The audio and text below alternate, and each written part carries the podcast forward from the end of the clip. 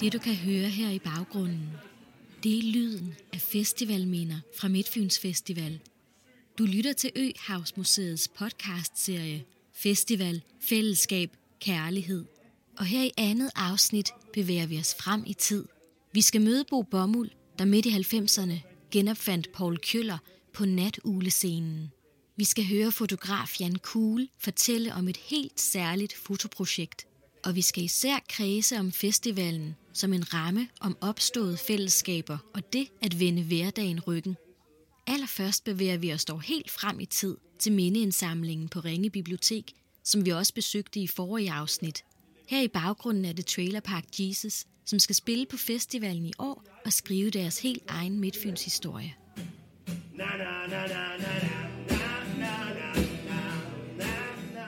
Jeg hedder Daniel Tordal. Jeg er forsanger, sangskriver og guitarist i bandet Trailer Park Jesus, som spiller på det års festival. Den genopståede Midtfyns Festival, som har fået nyt liv under vingerne. Det er jo fantastisk at få lov til at være en del af. Jeg kender nogen, som var der rigtig tidligt, og faktisk også har noget relation til ham, der hed Peter Fagermann. Øh, en, der faktisk sådan lidt mere eller mindre opkaldt efter ham, en ung mand, som har været der flere år og for, fortalt om den her festival, der bare fik vokseværk og ikke ville stoppe med at gro. Og, og, og jeg ved, det, det er ikke fordi, det skal handle om, hvorfor den brændte ud, men det er jo alligevel også bemærkelsesværdigt og smukt, at den bare kunne blive ved med at vokse og, på den måde, som den gjorde. Ikke? Og vi var jo helt nede i, det er lidt ligesom vi er i den her gang med lokale navne, der måtte bære det til at starte med. Og, og der var ligesom øh, nogle, nogle af de ældre, jeg kender, der har fortalt, hvordan man ligesom stille og roligt kunne se, at det er bare frugt, det der træ, man havde plantet dengang. Det skulle det også gerne gøre, det her. Kan vi kigge lidt i mappen? Ja, kan vi da. Jeg tog nogle billeder af nogle festivaldeltagere. For jeg havde lagt mærke til, at de kom jo tit med deres pæne tøj og slips, og så klædte de om til festivaltøj. Og det synes jeg var lidt spændende at, at se på. Så jeg, jeg lavede en studio på Lombjergevej med et telt og inviterede dem ind. Jeg gik rundt på pladsen og inviterede dem ind med det, de havde i hænderne. Og det kunne være mælk, det kunne være øl, eller hvad de nu havde. Uh, og så tog vi nogle billeder af dem. Og der er de her billeder rigtig, rigtig gode, fordi de er jo det her sådan et rigtig, rigtig godt øjebliksbillede af, øh, hvem var det, øh, hvordan så man ud, øh, hvilke aldre, øh, alle de her ting er jo meget tydelige på sådan en fotografi. Og så er det jo, øh, altså som museumsinspektør kan man jo bare klappe i hænderne, fordi at han simpelthen har, hver gang jeg har taget et billede, så har han noteret deres navn, hvor de boede, telefonnummer, alt muligt, deres fødselsår, hvad de lavede. Og så har han simpelthen spurgt dem, har de været her før? Hvorfor kommer de? Hvem er de sammen med? Og så har han også lige bemærket, om der var noget bemærkelsesværdigt ved dem, og det er der jo sådan set ved mange af dem, fordi de tit ser lidt sjove ud, øh, fordi de er på vej til festivaler, og det hele er lidt fiseballade. Jeg vil bare have nogle billeder af de folk, som de gik og stod med det tøj, som der nu var meget forskelligt. Øh, de skulle gå, de skulle komme og blive fotograferet, men det de gik og stod i, og det de havde i hånden. Havde de en bajer i hånden, så skulle det være med bajer. Havde de en pose appelsiner i hånden, så skulle det være med det. Som de blev fundet på pladsen faktisk. Og det, øh, det kan man se på billeder. Det, det er helt tydeligt. Og de ser meget forskellige ud. Og det er helt sjovt, synes jeg. vi skrev alle deres navne ned, og vi spurgte, øh, hvorfor de er der, og det, de svarer også utrolig sjovt. Øh, når de bliver spurgt, jamen hvorfor er du på Midtfynsfestival, så nogen siger bare druk, og nogen siger, det er hyggeligt, og nogen siger, jeg kommer lige for Roskilde, og nogen siger, må det ikke komme på Roskilde for min mor. øhm, og det er endda Jeppe Kofod. Kan vide, om det er Socialdemokraten? Men øh, hvis I kigger på billeder, så kan I se, hvor utrolig forskellige de er. Og der er også nogen, der kigger to og to, som fotograferede vi to og to. Det kunne være veninder, og det kunne være kærester, og det kunne være hvad som helst. Og jeg tror også, det var en, en for security. Ham kunne tydeligt se, han er sådan en der. Og så er der jo nogen, hvor det er tydeligt, at de har familie, som arbejder der. Øh, og så er der også den der, der bare er, det skulle de andre. Øh, man kan se, det, alle de her billeder er taget i 2001. Og allerede her er der en kultur omkring, som jeg ved lever stadigvæk med, at man egentlig, når man slutter på en efterskole, så øh, føles det så rart at fortsætte lidt i den der dejlige store gruppe, og så tager man egentlig bare direkte videre på festival. Og det kan vi se på nogle af, nogle af fødselsårene her, at det må også være det, der er sket. Der er også nogen, der direkte skriver, er her med vennerne fra efterskolen. Nogle Og her er en, der har været der 12 gange. Jeg har også stødt på en, der har været der 20 gange. Og så er der nogen, der er der, fordi de sælger noget. Øhm. Ja, her står 20. Og kan vide, om det så er alle 20 gange, hvor øh, grunden har været druk. det ved man så ikke. Altså, jeg begynder at lave lokalradio, fordi jeg sidder og røvkeder mig i øh, Årslev i 1984, en sommerferie, hvor jeg ringer til det lokale radio og spørger, om de ikke mangler nogen til at lave noget radio. Jeg ringer om fredagen, og så får jeg så med det samme to og en halv time øh, søndag eftermiddag. Så det er ligesom sådan en ilddåb for mig. Der sker en hel masse ting den sommer der, fordi jeg tager det der skridt der, hvad hedder det, blandt andet så øh, øh kommer jeg med i en ungdomsredaktion, der hedder Pink Pick Up, som laver de mærkeligste ting på den her radio her. Og der har jeg så også den sommer, der min første Midtfynsfestival-oplevelse. Altså simpelthen, hvor radioen skal ned og dække Midtfynsfestivalen. Det var skide hammerende sjovt. Der er jo en lille campingvogn, der, der er blevet bygget om, som ligger øhm, øh, der, hvor scenen stod i fra starten, altså den store rockscene, på den anden side, altså nærmest over åen, den er nærmest bygget over den der øh, lille tiså, der gik igennem hele øh, lokalet, så spiller den op imod byen, hvor den jo i de senere år, som folk vil kunne huske, spillede nærmest øh, sidelæns med byen ude i, i, i markerne og ned mod, mod, mod handelspladserne. Og lige bagved der, der var den der lille æggeformede campingvogn, som der var bygget et ekstremistisk studie i, presset op af det her hegn, hvor alle øh, stod tissede op af. Det var min første festivaloplevelse overhovedet, men det var fantastisk. Vi kunne gå op og ned på scenen og bagscenen, som vi ville. Jeg, jeg, jeg kan huske, at jeg så Chuck Berry op fra scenen, hvad hedder det, øh, stod der fuldstændig øh, som, altså naturligt som en del af det der orkester der. Det var vi måske en 3-4 stykker, der gjorde, men det var ikke, fordi der var formentlig adgang. Det var mere, fordi der var ikke andre, der gad stå der.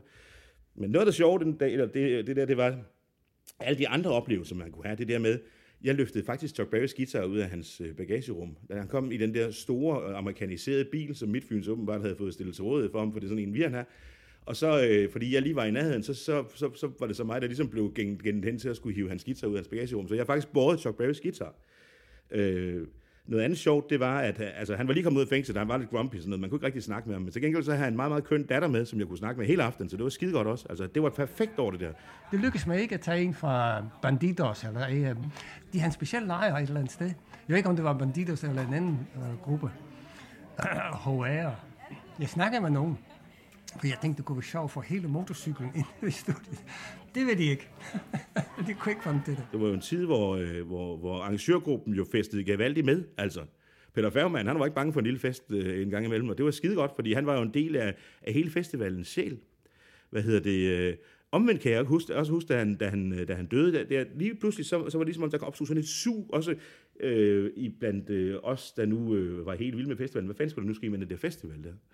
Og så var det jo fedt, at, at, at Nina kunne overtage det. Og med Nina kom øh, brødrene Slot, øh, Christian og Peter Slot, som jeg jo har haft et skide godt samarbejde med. Den ene tog sig henholdsvis af presse, og den anden var skide god til at, at lave sådan security-ting. Og det var faktisk øh, Christian Slot, øh, der ringede til mig i starten af 90'erne og sagde, Bo, vi er nødt til at have et møde. Øh, og der havde mit fyn opdaget, at Roskilde Festivalen, udover det, deres vanlige musikprogram, som alle festivaler jo havde, også var begyndt at have noget, der hed events. Man kunne simpelthen komme ind på pladsen, og så var der 10 hekse, der dansede omkring en, eller man kunne opleve alle mulige ting, som ikke havde en skid at gøre med musik, og det forvirrede mit fyn uendelig meget, fordi hvad fanden var det for noget nu, der var kommet ind på det her halvøj? Det var, en, det var, en helt, det var et helt nyt addendum til den der øh, så de ville, de ville lave en helt ny scene, som jeg så kunne få øh, ansvaret for. Øh, og den skulle, den, ja, navnet var nærmest givet, så vidt jeg husker, den hed Natulen.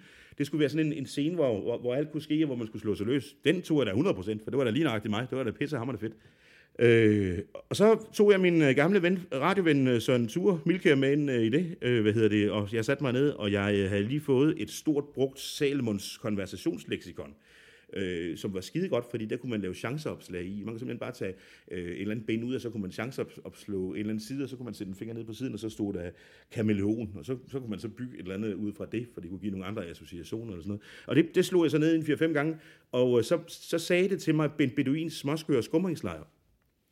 Alle de her ord er opslået ved, ved, ved, ved, ved chanceopslag, plus det løs. Og så tænkte jeg, okay, det er fandme fedt, det er en fed titel. Hvad, hvad kunne Bent Beduins småskøre skumringslejr så være? Det endte så med, at det var mig og Søren i Beduindragt, der hed Bent og Bent Beduin, henholdsvis med og uden D, som øh, hver aften fra kl. 22 til 24 lavede de særste ting på den der scene der. Nu er der jo mange, der står, øh, mange specielle drenge, de står og tisser langt fra hegnen. Det står bare og tisser, når de skal tisse, så gør de det bare. Øh, så jeg tænkte, jeg skal også have en, der står og tisser inde i studiet. Det er så ikke tis, det er bare en flaske vand, men, men han ser så skælmsk ud. Det var simpelthen herligt, synes jeg.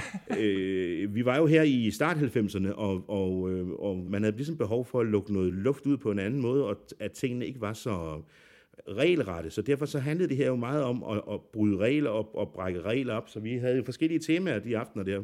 Så tænkte jeg, okay, øh, vi var ligesom løbet tør for western parties og alle mulige andre lort, vi kunne finde på, så tænkte jeg, noget af det første, jeg kan huske, det var, at jeg siddet på toilettet og hørt Paul Køller. Der var jeg fire år, fem år, eller tre, eller hvad fanden det var, det ved jeg ikke. Jeg har siddet og hørt Kai Andrea Bond i hvert fald. Og så tænkte jeg, hold kæft, hvor kunne det være fedt, hvis man kunne tage det, man oplevede som 3-4-årig, og så sidde og drikke 30 øl til det, samtidig med sådan øh, øh 15-20 år efter. Øh, så jeg ringede til Paul, og øh, hvad hedder det, jeg tog mig oplysningen, så vi, er vi kendte ikke hinanden i forvejen, bortset fra, at jeg havde set ham i fjernsynet, og var starstruck. Og så, øh, han synes, det var en røvsyg idé. Han synes, det var den mest røvsyg idé, han nogensinde havde hørt. Han havde spillet en enkelt gang på et eller andet Sankt Hans arrangement i mellemtiden. Han er ikke sådan, nærmest var han holdt op med at spille, men han, han synes ikke, det var en særlig god idé, men han kom jo så alligevel, fordi det, fan, det, det kunne da godt være, at vi skulle prøve det. Og, øh, og den der fredag eftermiddag, der gik folk fuldstændig amok, altså til Paul Køller, der kom med sin guitar og sit, sit Playmobil-hår. Og var Paul Køller, og det var pissefedt. Og, og de sang med, og de øh, ridsede i bordene, Paul er Gud, og altså, det, allerede der, første gang, der opstod den der saying der omkring den der, så tænkte jeg, hold da kæft, vi har gang i noget her. Så jeg, jeg, ligesom, jeg tog ligesom den der idé, og så alle de der mærkelige events, og de der ting, jeg lavede på det tidspunkt, der jeg leverede Paul med ind i, altså slynget, fik jeg slynget rundt i det der system der, og så tog det ellers fat, altså helt vildt. Men det var det kulminerede der i introperioden, det var altså på Midtfynsfestivalen, på Ben Beduins Småsky og Skumringslejr. Jeg synes i hvert fald, at jeg havde indtryk af, at folk, de, øh, når de kom, så kom de ind i deres tøj, deres daglige tøj, og mange skiftede det festivaltøj. Altså, de er vildt sjove. Øh, det er meget tydeligt på påklædningen. Det er jo sommer, og det er jo afslappning. Altså, så det er jo alt fra nærmest bikini øh, til, til meget mere tøj, ikke? Men, men sådan... Og så er der jo nogen, som, hvad skal man sige, altså tydeligt er i sådan en situation, hvor det hele skal være sjovt. Altså, så de har måske noget skørt tøj på, altså en skør hat eller et eller andet. Og så er der øh, en far og en søn, går ud fra, det er, hvor de ligesom kommer med en cykel med anhænger, og så er de ligesom besluttet på det billede, at faren skulle sidde i anhængeren, og drengen skulle trække cyklen. Men det er helt tydeligt, at festivaler er ikke hverdag. Det kan noget særligt, øh, og man forventer egentlig, at der sker noget skørt. Ikke? Øh, jeg tror jo, altså tænk på, at man næsten kan sammenligne det lidt med det, man snakker om med karneval eller fastelavn. At det er i virkeligheden at vende hverdagen på hovedet. Altså, der gør man alt det, man ikke gør til daglig, og det gør man jo, fordi man tager en maske på. Øh, her tager man ikke nødvendigvis en maske på, men man er i et rum, eller hvad vi nu skal kalde den festival, hvor det er fuldstændig accepteret, at her er det noget særligt. Her gakker vi ud i to, tre, fire dage, hvor meget nu var, og der er ikke så meget, der ikke er tilladt. Øh, vi er her for at have det sjovt, og det viser vi også med, hvordan vi ser ud. Så er der jo, altså man kan sige, mode skifter jo, så det kan man jo se på billeder, og så er det også bare så sjovt, når man så støder på, at der er et billede, hvor der er en ung pige, der står med en telefon, og der er man jo ved at dø grin, fordi den telefon er jo i hvert fald ikke fra 2019, men fra 2001, ikke? Jeg tog billeder i 2001, og så, så, jamen, så havde jeg de billeder, og de blev fremkaldt, det var med negativer, Øh, blive fremkaldt, så står jeg der og tænkte, hvad, hvad så med det? Og det har jeg så et år at tænke over, fordi øh, ja, næste festival er først året efter. Og så kontaktede jeg øh, øh, Handelsstandsforeningen i øh, Ringe og sagde, jeg har en idé med de billeder der. Øh, skal vi ikke vise dem offentligt i gågaden? Øh, almindeligvis var Elgaden ikke gågaden, men under festivalen blev det lavet til gågade. Skal vi ikke lave det? Og de, de var med på det. Jeg satte billeder op, og så blev det jo festival, og der kom utrolig mange mennesker. Pludselig var der en gågade, og det var så hyggeligt. Det var så sjovt. Og folk, de stod og kiggede på billeder, og de gik omkring de lygtepæle. De skulle se den ene, og de skulle se den anden, og de skulle se dem alle fire. Og, og jeg hørte beretninger senere fra nogle af de der folk, der havde forretninger i gaden, at uh, der var nogle af festivalgængere, de prøvede at pille dem ned, fordi de ville have dem med hjem. 95 mennesker gik med til at få taget deres billeder. Øhm, de bliver en del af vores samling på en eller anden måde, øhm, fordi vi dækker jo øh, hele Form Midtfyn Kommune, og fordi det er så grundigt et materiale, øh, så giver det god mening for et museum at beholde, fordi vi rent faktisk har den der viden. Og så har de faktisk ligget på loftet siden. Og det skal de væk. Billeder skal ikke hænge på et loft, eller ligge på et loft, og det er pakket ind, og det duer ikke. Så øh, jeg, er så jeg er så glad for, at de kan blive vist igen. Uanset hvad der var på den store rockscene, så havde vi fyldt Telt, fucking telt ned i os. Vi havde til sidst 4.500 mennesker til at stå, selvom der var Bon Jovi på den store scene. Det var det, der var sjovt, ikke? Det var det, der ligesom tog, altså, og vi startede med et lille telt med, hvad? 500 mennesker, og vi endte i et telt med 4500. Det var skide sjovt, altså. Men så havde vi hver gang, så havde vi jo publikummer med op for ligesom at hjælpe til med, og, og, og, og altså, de skulle også deltage i det her arrangement. Det var en kollektiv festival, det her. Alle skulle være med. Der er jo nogen, som tænker over, vil jeg høre dem? Vil jeg høre dem? Altså, hvor de går meget op i, hvem er det, vi skal høre, og man betaler en masse penge osv. Men der er jo også sådan en festival som Avanax, hvor altså, folk køber billetterne på 8 minutter, uden at vide, hvem der spiller. Fordi de gerne vil have oplevelsen. Øhm, så der er vel den dobbelthed i festivalkonceptet, at der kan være en stor seriøsitet omkring musikken, men der kan også lige så vel bare være en lyst til at være en del af den oplevelse, der er at tage på festival, uden at man øh, går sindssygt meget op i en specifik musikalsk oplevelse. Men man vil være en del af den vilde fest, eller hvad nu, ikke? Sammenholdet. Så er det jo øh, både fest, sjov, også afslappning og hygge med vennerne. Og ved siden af det, der er der så en masse koncerter. Og de to ting, dem skal man huske at sådan balancere og vægte øh, lige højt, fordi det, der er fedt ved festival, det er, at man får rigtig mange muligheder for, for at se øh, rigtig mange navne. Øhm, men vi ved også godt, at, at det, øh, det ikke har den måske helt samme betydning, musikken på en festival, som det har, hvis du tager til en enkeltstående koncert. Så jeg synes, som publikum kan man til en festival i og for sig kræve lidt mere af de musikere, man ser, øh, fordi at der er altid mulighed for at gå et andet sted hen og høre noget andet musik. Øh, til gengæld kan man også få nogle af de sjoveste oplevelser. Altså dybest set, så kan du jo sagtens gå ind og høre Bon Jovi øh, andre steder på, på et andet tidspunkt, men lige den der oplevelse der, den kunne du altså ikke få andre steder end det der.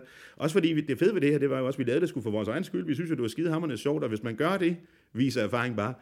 Og så, så er der altså nogen, der synes, det er skide sjovt også. Der er mange festivaler, som måske... Øh, nu, nu oplever jeg jo tit det der med, at nu skal festivaler jo være noget andet. Nu skal det jo være øh, økologi, og det skal være... Øh, jeg, jeg rendte rundt øh, på en festival øh, for sidste år, og jeg kunne fandme ikke få anden biovin, og det smagte som Jodas sump ind lortet. Det, det gider jeg ikke. Jeg vil, jeg vil, jeg vil, have, jeg vil, have, jeg vil have den reelle øh, festivaloplevelse. Jeg vil ikke have festivalforstillelsen. Øh, og det synes jeg er pissevigtigt. Det er derfor, man skal give den løs. Man skal opstille nogle rammer, så skal man, så, og så skal man ellers måske i højere grad lade folk øh, rive svinet af, selv i forhold til, hvad man nu har opstillet for dem. Fordi det er ikke nødvendigt at tykke maden for folk hele tiden. Det er ikke nødvendigt at fortælle dem, hvad de skal føle. De skal nok fortælle, øh, føle rigeligt, hvis vi først sætter det her i værk, som vi selv brænder for at give dem. Det tror jeg er meget, meget vigtigt.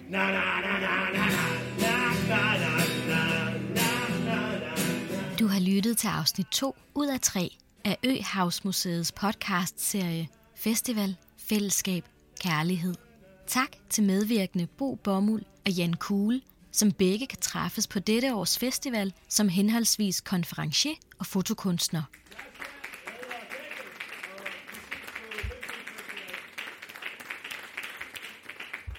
Du hørte Trailer Park Jesus med nummeret Velkommen til den anden side. De kan også opleves på dette års festival – og podcasten her blev produceret for Øhavsmuseet af Helle Ansholm.